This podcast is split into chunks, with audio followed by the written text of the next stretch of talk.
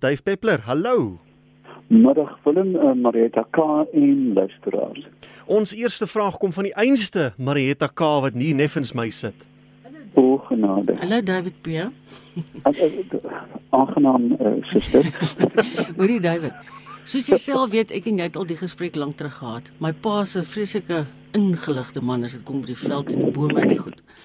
En ons het 'n storie verlede week in naweek aktueel gehad, maar dit was ook in die gedrukte media van hierdie lang snoet varke wat mure eet uit termiete uit. Wat laat blyklik nou hulle hele modus operandi verander het. Hulle kom nou nie meer net in die nag uit nie, hulle kom nou in die dag ook uit. Goed, en ons het toe naweek aktueel hierdie bydra, maar die inleiding lees aardvarke. Dis my pa natuurlik onmiddellik op my en hy sê vir my luister, hierdie is eintlik ertvarke. Nou wil ek by jou weet, is 'n aardvark en 'n ertvark in so almal dieselfde ding? Kyk, daar daar is twee diere wat wat fisiologies aangepas is om om mure te eet. Mm. Dit is die ertvark, soos hulle national ek het my dood gelag, daar was 'n hele program en die die die, die inleiding het begin so. The aardvark moving over the African plains like a giant vacuum cleaner. nou ja, aardvarke is um, uniek aan Afrika.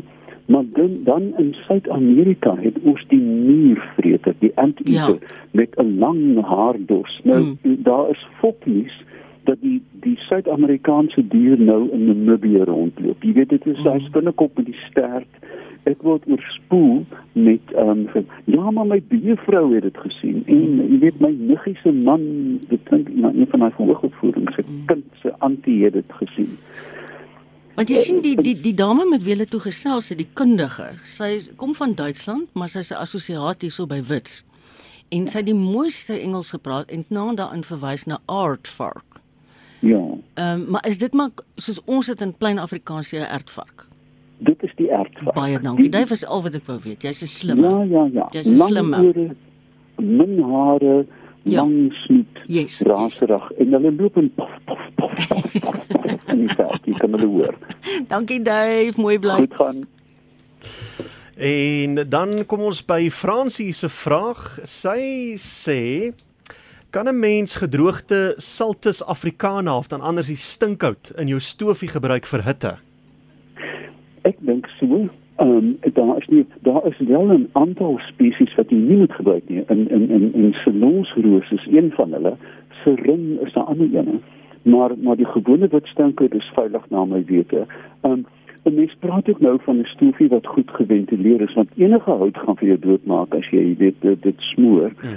En dan nie ventilasie is nie. Maar dan die twee wat mense in Suid-Afrika ver met wegbly is senosroos en sering want jy weet hulle bevat gifstowwe en mens weet nooit of dit vlugtig word in die gasse nie. En jy moet beslis nie daarop draai nie. George Terblanche van Sekunda Hy wil weet uh, hoe het Indian miners in Suid-Afrika beland? op die skouer van 'n seerower. Ehm um, Kyk, daar's 'n aantal wat bekend staan as kommunisiele voëls wat saam met die mens kom. Nou, jy weet, die papegaai uh, is natuurlik klassiek in die seerower kultuur. Ja. Maar net so die myna, hulle um, is briljante na nabootsers. Jy weet jy kan die jy kan nie onderskei tref tussen 'n myna en 'n telefoon nie. Hulle klink identies. Mm -hmm. En hulle praat so hulle boots baie goed na. Met ander woorde, hulle is gesogte voëls. Mens sien hulle oral in in Europa as kouvoëls wat nou geteel is soos African greys. Maar dan is daar natuurlik, jy weet, 'n chokka boot op pad van Goa via Dar es Salaam Durban toe. En een of ander muf uh matroos het in 'n koutjie in Maina wat hy dan jy weet wat hom so tot rasendheid dryf dat hy hom in Durban gaan uitskit.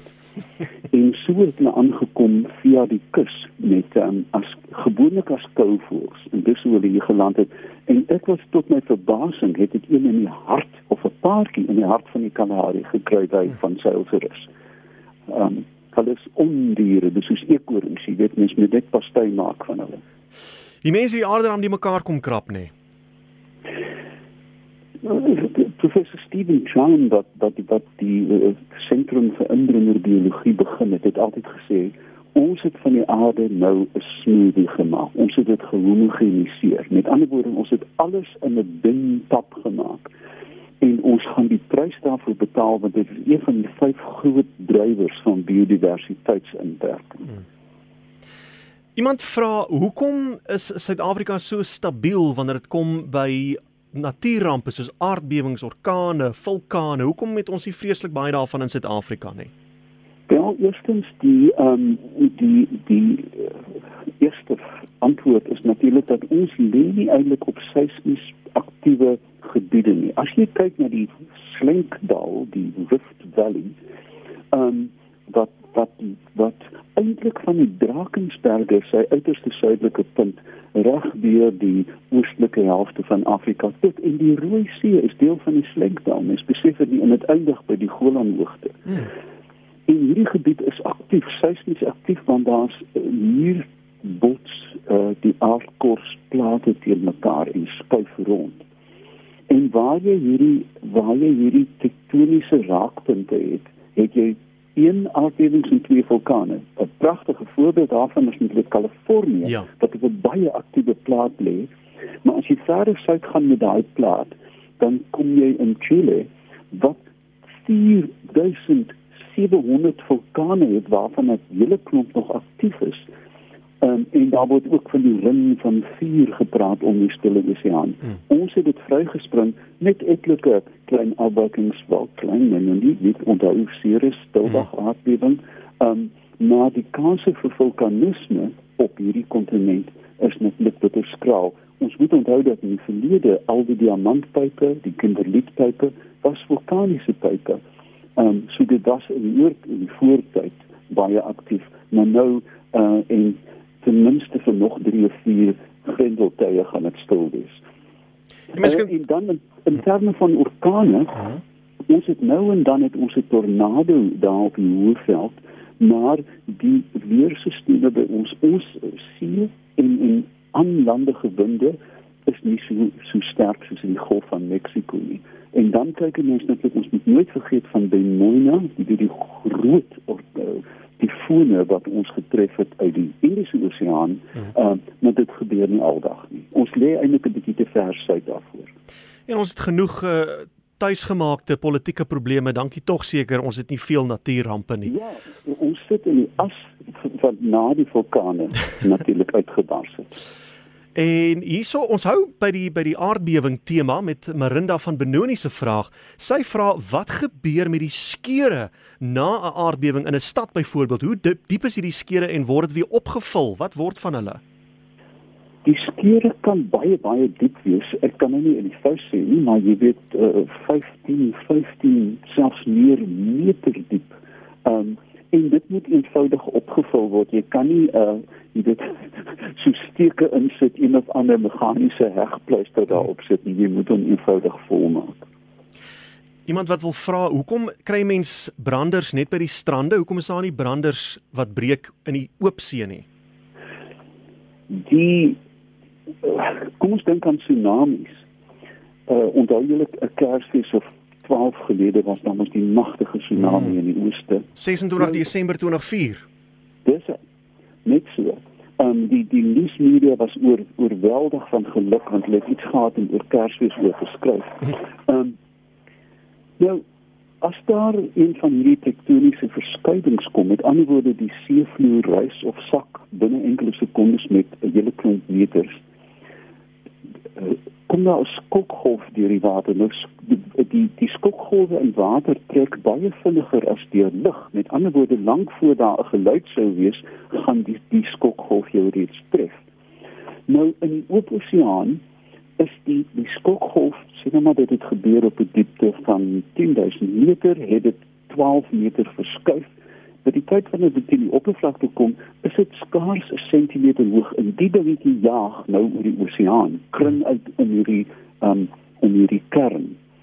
Maar soos die seevloer sakker word, uh, vlakker word by die land, klim hy logaritmies. Met ander woorde, dis nou as jy dink aan somme uh jy weet as jy nou 'n uh, x en 'n y as jy dan kan jy of 'n reguit lyn trek, jy weet 'n lineêr mm. of jy kan iemand so 'n boepenstreek na onder toe. Dis 'n logaritme. Mm En dan skielik soos met uh, met die rigterskaal raak dit al hoe erger hoe vlakker dit word. En dieselfde geld vir oseaangolwe.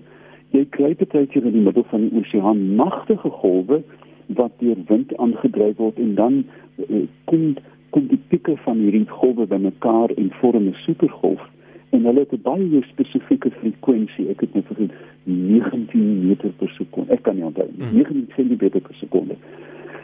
Maar um, hoe nader jy aan die land kom, afhangende van die vorm van die seevloer, bepaal hoe jou branders lyk. Stefan Enrico het hierdie vraag ingestuur. Ons was die naweek van 25 Oktober 2019 in Nysna. Laagwater was omtrent 5:00 daardie middag. Ons is toe af na Leisure Eiland, um, sodat my seun kon snorkel. Ons was aangenaam verras met die temperatuur van die water. Dit was amper bloedwarm. Nou groot was ons verbasing toe ons voel dat die water van so 3 meter van die kant af warmer is as die vlakker water waar ons met ons voete ingestaan het. Ons was die afgelope Saterdag weer daar oor dieselfde tyd en uh, dit het die, ons het dieselfde ervaring gehad. Nou gewoonlik is die vlakker water teen die kant warmer as die dieper water. Wat sou die rede wees dat dit in hierdie omgewing omgekeerd was? Jong nou nou as jy op die in die wêreld gaan fisika meer as natuurkunde. My enigste verklaring is 'n sogenaamde termokline, 'n thermocline waar water van verskillende temperature of soutgehalte wat bymekaar kom en dan 'n buffer vorm. Jy sien dit baie mooi in groot stede met besoedeling.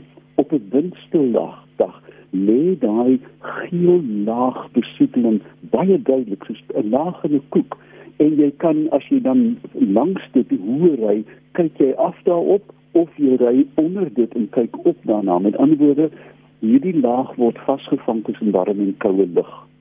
En ek dink dieselfde geld vir water waar dit dan uh, nie meng nie in 'n sogenaamde termokline vasgevang word. Ek jy weet in dit moet weet alleen hoe die seevloer en die die om die die rand van die meer daar lyk. 'n hele klomp goed sal mens met met met vasstel voor jy 'n baie akkurate antwoord kan gee.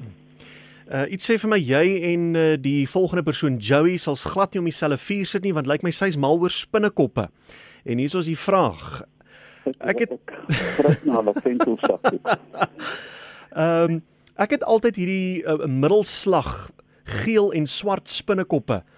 Was ek het altyd seker lekker grootes in massas in en om my huis gehad in die bome en in die struike. So 2 jaar vir vir so 2 jaar het hulle klein gebly. Hulle het nie baie groot geword nie. Nou is hulle omtrent heeltemal weg. Ek bly Neffens Mossel Bay. Hier was nie veel ontwikkeling of ietsie afgelope ruk nie. Hoekom is hulle nou heeltemal weg? Ek wil hulle terug hê. Ek mis hulle groot spinnerakke. Uh ja, sê Joey. Ek dis die bekende geel en swart tuins binnekop. Hulle is uh, skadeloos. Wat ek nie glo nie, maar ek het nou daar gelaat. Um, ek glo my my nabes in die velle en het heeldag vliee aangedra en sprinkane. Ehm um, kan nie verklaar hoekom hulle verdwyn het nie. Kyk, ons het baie baie ernstige droogtes gehad, jy weet, en en en skommel van temperature. Hmm. En mens vind ook dat diere uh, bevolkings fluktueer as gevolg gebaseer op hulle prooibasis. Met ander woorde, bestaan bekend as digtheid afhanklikheid.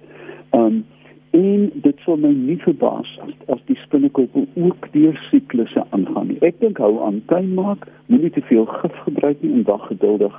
Um soos die kat sal die spinnekop terugkom. Hmm. En Joey, Dave sal nooit vir jou gaan kuier nie. Baie dankie Dave Peppler. Dit is 'n groot plesier. Tot volgende week.